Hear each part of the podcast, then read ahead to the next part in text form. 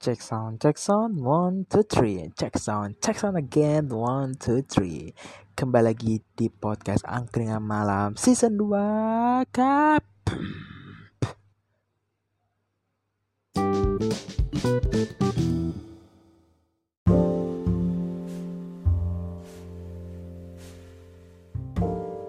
Oke, gimana kabar kalian semua? Pada baik-baik aja kan? Bagi yang lagi sakit, semoga disembuhkan, baik doa, baik istirahat, baik minum obat dan lain-lain.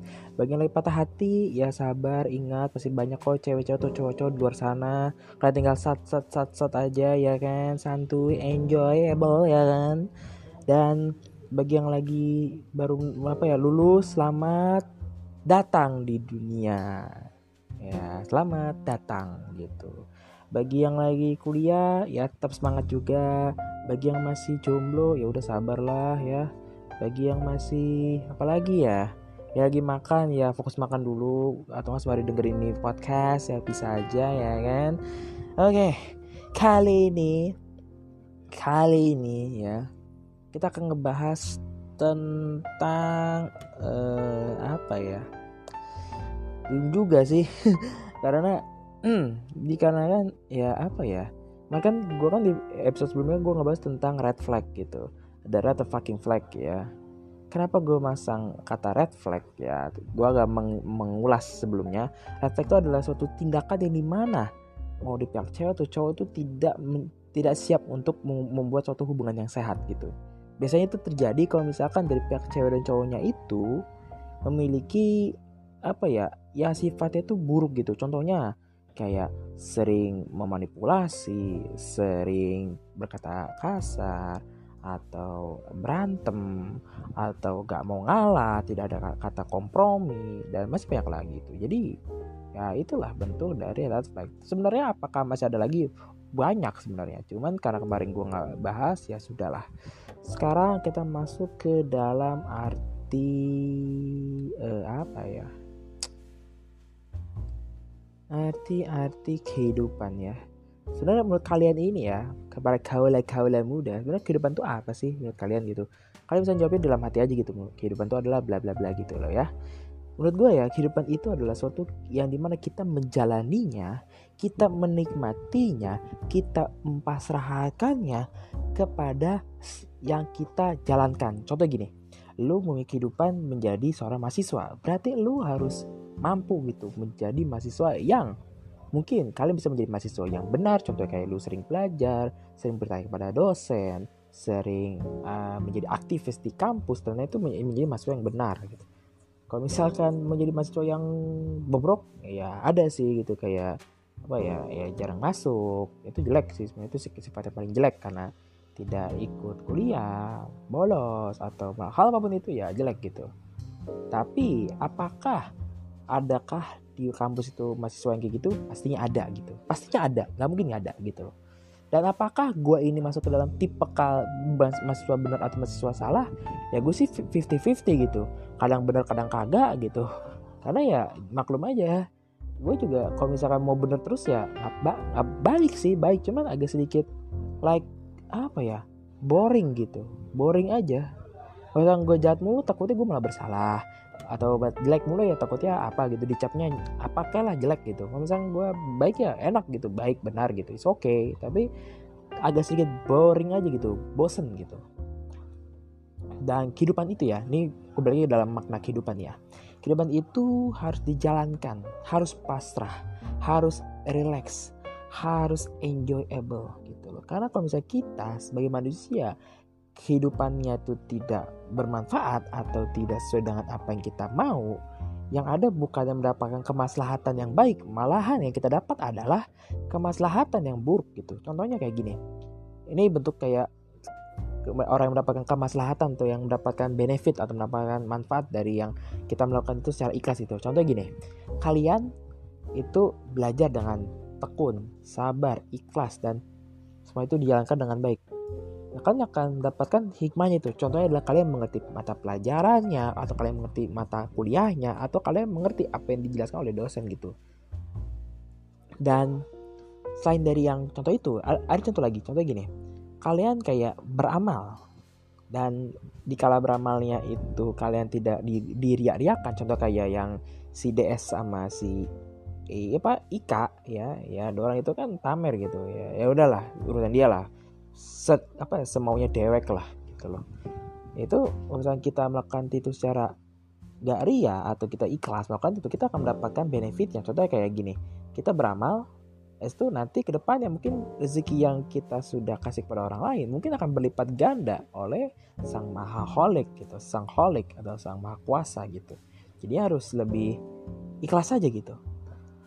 Pasang kalian di, di apa ya ini pesan sih dari uh, apa ya kalau misalnya itu kayak ustadz gue gitu mengatakan gini kalau misalkan kalian menemukan suatu hal yang kesulitan tolong dibantu gitu. Siapa tahu kalian akan mendapatkan benefit yang terbaik. Mungkin kayak kalian bisa menjenguknya mungkin kalian bisa uh, apa ya bisa membantu orang kesulitan atau kalian membantu orang yang benar-benar lagi terluka bisa kalian obatin gitu ya kan? Itu masih banyak lagi tuh loh. Dan masih banyak lagi tuh tapi ini sih kita ngambil ngambil ngambil ngambil ini ya uh, suatu sudut pandang gitu. Ini di mana si manusia itu biasanya kalau misalkan yang tadi gue bilang gitu yang boring gitu ya. Manusia biasanya kok kalau misalnya sudah melakukan tindakan yang sama terus akan boring. Contoh gini kehidupan yang paling boring adalah kita kayak kerja. Datang ke kantor kerjain tugas atau kerjain uh, pekerjaan yang di kantor istirahat makan kerjaan lagi balik ke rumah ngulang repeat. Jadi kayak eat sleep gitu gitu jadi eat sleep uh, work repeat gitu. Jadi kayak apa ya uh, sedikit boring gitu boring banget.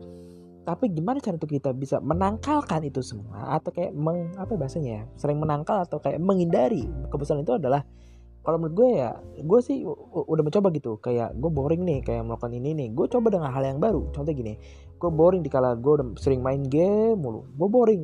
Gue coba dengan hal yang baru. Contohnya adalah gue gue coba membaca buku gue coba membaca artikel gue membaca suatu hal informasi berita yang ada di medsos atau di koran. Dan masih banyak lagi itu loh. Masih banyak. Atau gue bisa mencoba dengan cara gue latihan uh, apa ya buat uh, artikel atau ngebuat apa ya uh, karate apa kreativitas tangan atau kayak berolahraga dan masih banyak lagi itu loh kalian bisa mencoba itu supaya kalian tidak boring di kala melakukan kehidupan yang sangat fana gitu. Nah, mengenai tentang kehidupan ya. Kalian pasti mendengar kata-kata kehidupan itu adalah uh, apa ya? Oke, tentang kehidupan tentang manusia apa ya? Oh ya, kita menurut ini ya para ahli ya karena supaya lebih konkret karena sangat tidak konkret nanti saya akan digerebek yang ada oke okay? makna kehidupan oke okay? hidup hidup dulu kita kita arti kata hidup dulu jadi menurut Bastaman sorry Basman mengatakan bahwa makna hidup adalah hal-hal yang dipandang penting benar dan didambakan dan memberikan nilai khusus seter, sorry nilai khusus serta dapat dijadikan sebagai tujuan hidup. Apabila hasil ditemukan itu sudah dipenuhi, maka kehidupan itu menjadi lebih menimbulkan merasa bahagia. Jadi balik lagi, berarti kehidupan itu menurut si Bas Taman mengatakan bahwa kehidupan itu adalah sama dengan bahagia gitu loh, menurut dia. Nah, kita lihat lagi di pengertian-pengertian menurut para ahli, menurut siapa ya? Hmm, siapa ya? Katu Surwiryo, punya nggak ya? Nggak, nggak punya. Siapa lagi ya? Aku juga lagi mikir nih guys, karena ini, kan tentang the meaning of life gitu, ya kan? Oke, okay. aduh batuk dulu biar nggak enjoy. Eh, menurut Rambe ya mengatakan bahwa makna hidup adalah suatu pemeriksaan mengenai makna alam dunia, mengenai hidup atau hidup manusia yang sesuai dengan pola-pola yang koheren. Maksudnya apa? Begini. Jadi menurut si menurut Rambe ini mengatakan bahwa kita hidup itu sesuai dengan makna alam yang sudah diatur supaya kita sesuai dengan aturan-aturan yang berlaku gitu loh. Itu menurut Rambe. Nah tapi ini menurut dosen gue ya ini dosen uh, apa ya dosen gue tuh dosen uh, ulumul Quran dan sekarang menjadi metodologi studi Islam mengatakan gini kehidupan itu kalau misalnya kita sesuai dengan aturan yang sudah ditentukan oleh uh, agama kalian akan mendapat eh sorry. Kalian akan mendapatkan bahagianya yang kalian sudah impikan. Contoh begini di agama itu melarang kayak kalian dilarang untuk bermusuhan. Kalian harus berdamai. Ya berarti berarti kalian akan merasakan kedamaian. Nah kedamaian kedamaian itu akan menimbulkan rasa bahagia. Karena kalau misalkan kehidupan itu keseringan berantem atau perang itu yang ada ya apa ya rasa bahagia itu akan menjadi hilang dan menjadi timbul-timbul rasa sedih atau tidak bahagia, murung dan masih banyak lagi. Masih banyak lagi, oke? Okay? Nah, itu menurut tuh. Tapi kalau misalkan hidup kehidupan itu sesuai dengan agama, itu wah, nikmat banget. Ini menurut dosen gue ya gitu ya. Maklum lah dosen gue ini terlalu keren gitu. Gue gue sih mungkin kalau misalkan cara berpikir dosen gue tuh keren gitu. Apa ya wonderful. Gue bangga gitu punya dosen kayak gitu. Bangga banget.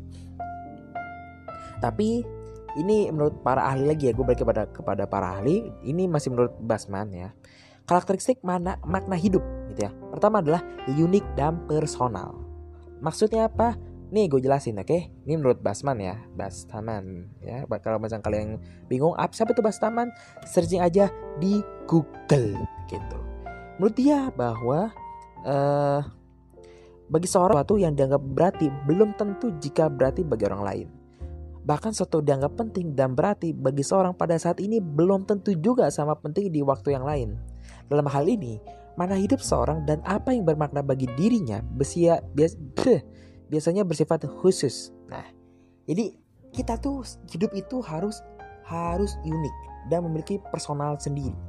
Karena kalau misalnya kita mempunyai sifat yang ngikutin orang lain, nggak punya kependirian, nggak punya sifat kayak berani beda itu kalian akan hidupnya itu akan monoton.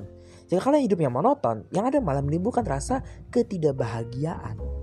Gitu. Ini menurut Basman. Ini yang gue artikan gitu ya.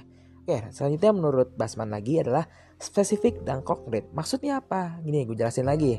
Mana hidup dapat ditemukan dalam pengalaman dan kehidupan nyata sehari-hari. Mana hidup tidak selalu harus dikaitkan dengan tujuan-tujuan idealistis prestasi-prestasi akademis yang tinggi atau hasil-hasil renungan filosofis yang kreatif gitu. Maksud dia begini, menurut si Basman adalah kita kalau misalkan mau hidup atau punya tujuan hidup harus lebih spesifik. Contoh gini, lu mau punya mobil, tapi nggak tahu mobil mobil apa. Nah kita harus meminta kepada kita supaya supaya kita tuh harus lebih berusaha. Dengan cara apa? Kita lebih spesifik. Contohnya begini, aku pengen minta mobil Lamborghini Aventador warna hijau Habis itu joknya warnanya putih Habis itu uh, bensinnya selalu full tank. Itu namanya spesifik permintaan Atau tujuan hidup yang kita harus tuju. Itu loh. Itu menurut Basman yang kedua tadi.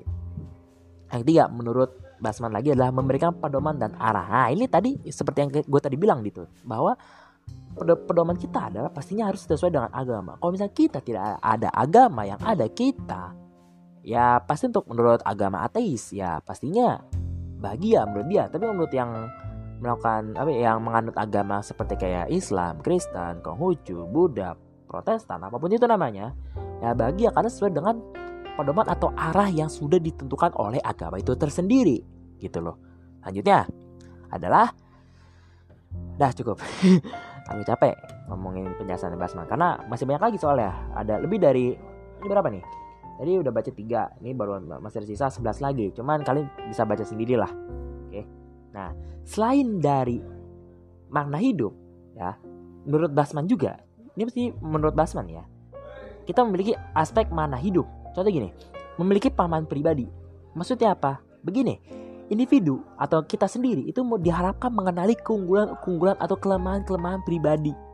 Karena kalau misalnya kita mengenali kelemahan atau kelebihan kita, kita bisa mengembangkan itu menjadi kekuatan kita. Contoh begini, kelemahan gue, misal, kelemahan gue adalah gue gak bisa ngomong di depan umum, tapi kalau misalnya gue ngomong di podcast, gue berani. Nah, tapi kelemahan itu bisa gue menjadi kekuatan supaya dikala gue lagi menjelaskan atau membuat konten podcast, gue berani ngomong, gue berani speak up, gue melakukan hal yang mungkin orang-orang yang belum pernah lakukan itu. Meskipun banyak sih orang melakukan podcast tapi itu pun baru hitungan it, it, hitungannya pun hanya hitungan bisa hitungan puluhan belum jutaan mungkin. Karena di dunia ini kan popul apa popo apa kok popu sih? Pop, uh, populitas. Popularitas ah intinya tuh manusianya ya cuma jumlah manusia di, di di dunia ini kan banyak gitu loh. Mungkin itu kan baru hanya hitungan segelintir orang doang mungkin. Bukan bu, bukan hitungannya hanya 10 atau 20 bukan. Tapi hitungannya itu bisa lebih dari 50 orang lebih gitu loh. Jadi kita tuh harus bisa mengembangkan diri kita supaya bisa menjadi kekuatan. Kekuatannya apa tuh? Apa? Supaya kita bisa mendapatkan rasa bahagianya itu tersendiri. Loh kawanku.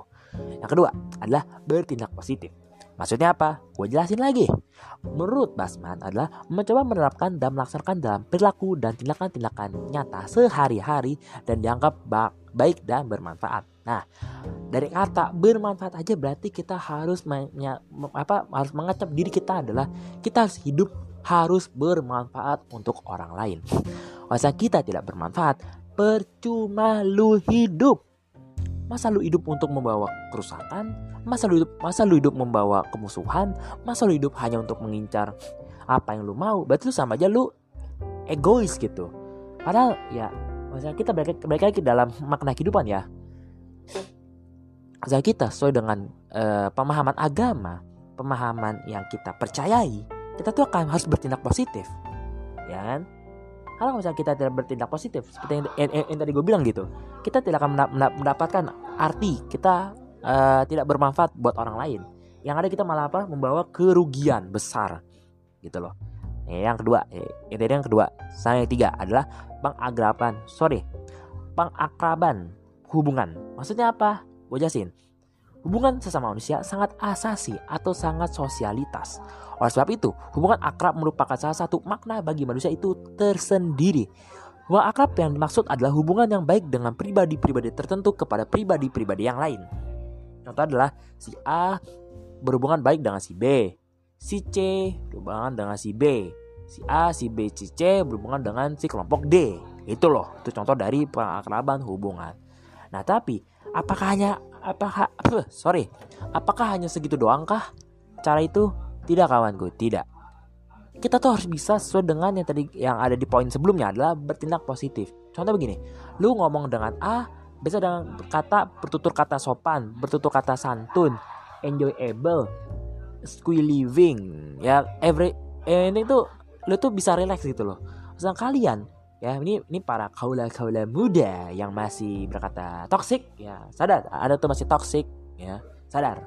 Itu kalian tuh harus membawakan rasa vibes positif itu positive vibes gitu loh. Karena misalnya kalian tidak membawa positive vibe kepada orang lain yang ada kalian tidak akan bermanfaat buat orang lain itu kawanku gitu ya. Atau harus lebih bermanfaat. Oke. Itu adalah pengalaman tri nilai nah maksudnya apa? Ini agak sedikit uh, agak agak sedikit. Ini akan berbau dengan kerja dan iman gitu. Tapi gue jelasin dulu.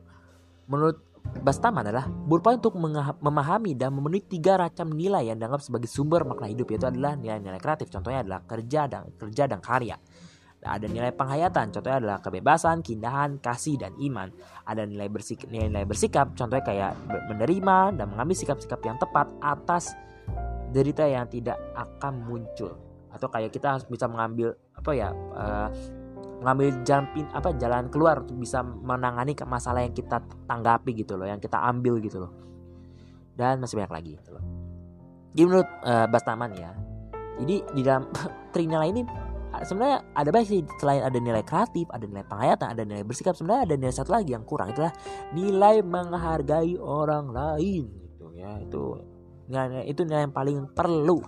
Kalau bisa digaris bawahin pakai bold tebel. Bisa tebel tebelin ya tebelin itu biar mampet gitu ya. Ngomong kasar tapi gue ngomongin tuh. Yang ada gue malah makan omongan sendiri. Sorry sorry canda canda canda canda canda canda canda ya kawanku canda. Ini gue ngomongin sesuai dengan skrip gitu. Skripnya emang gini di skrip yang gue pegang ini adalah sesuai dengan yang gue katakan gitu loh. Dan yang terakhir adalah ibadah. Maksudnya apa? Begini gue jelasin Secara umum, ibadah adalah segala kegiatan melaksanakan apa yang diperintahkan oleh Tuhan dan mencegah dari hal-hal yang dilarang menurut ketentuan agama. Menjalani hidupan sesuai dengan tuntutan agama atau tuntutan ibadah, kita akan membawakan rasa bahagia itu tersendiri. Dengan cara apa? Kita sering berdoa kepada Tuhan, meminta ampunan, atau kita saling maafkan satu sama lain dan masih banyak lagi gitu loh jadi kita tuh harus apa ya yang gue rangkum ya dari kita kita harus bener-bener harus harus bermanfaat ya kan? Harus lebih uh, spesifik dalam menjalankan uh, menjalankan kehidupan itu. Karena misalnya kita kehidupannya sangat flat berarti ada kesalahan dalam makna hidup lu. Coba kalian koreksi gitu. Coba kalian pahami. Coba kalian apa ya hikmatin hidup nafasnya. Nikmati hidupnya. Relax. Enjoyable. Gitu loh karena kalau kalian tidak menikmati itu kalian akan tidak mendapatkan rasa bahagianya itu tersendiri kawanku. Gitu loh. Dan ya cukup mantap sih ya. Cukup mantap. Dalam konten makna kehidupan di episode. Semoga kalian bisa terhibur nikmatinya dengan rasa-rasa sangat bangga, sangat nikmat dan kalian harus lebih bermanfaat gitu. Pas pesan atau uh, apa ya nasihat dari gue adalah uh, apa ya? Gue ambil kata-kata motivasi aja kali ya yang gue buat gitu. Kalau kata-kata motivasi gue adalah lebih baik bermanfaat buat orang lain ketimbang lu datang untuk berhubungan hanya menjadi toksik yang ada anda menjadi toksik hanya membuat teman lu atau lu sendiri akan mengecap diri lu menjadi beban sekian gitu aja dari episode kali ini jika ada kata-kata yang salah tolong dimaafkan. Jika ada kata-kata yang agak belibet-belibet tolong dimaafkan juga. Jika ada apa ya, uh, lantunan at lantunan atau kecepatan notasi gue ngomong ini terlalu cepat tolong dimaklumin karena dari konten podcast angkringan malam adalah bentuknya gini. Kalau podcastnya itu berdua biasanya tuh enjoyable. Kalau sampai bertiga lebih enjoyable lagi. Kalau bisa-bisa ya mungkin sejam dua jam lebih. Tapi kenapa yang sendiri nggak bisa sendiri yang nggak bisa uh, apa dibuat lambat. Nggak bisa gue karena misalkan gue coba uh, apa ya bahasanya ya mencoba lama takutnya yang ada gue ngantuk. Dan juga gue kan lagi sibuk nih.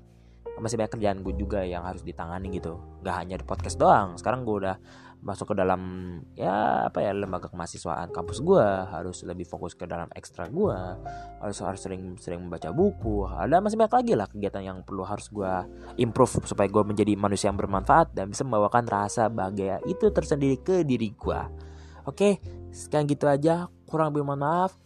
Salam gue dari angkringan malam season 2 kap Bye bye.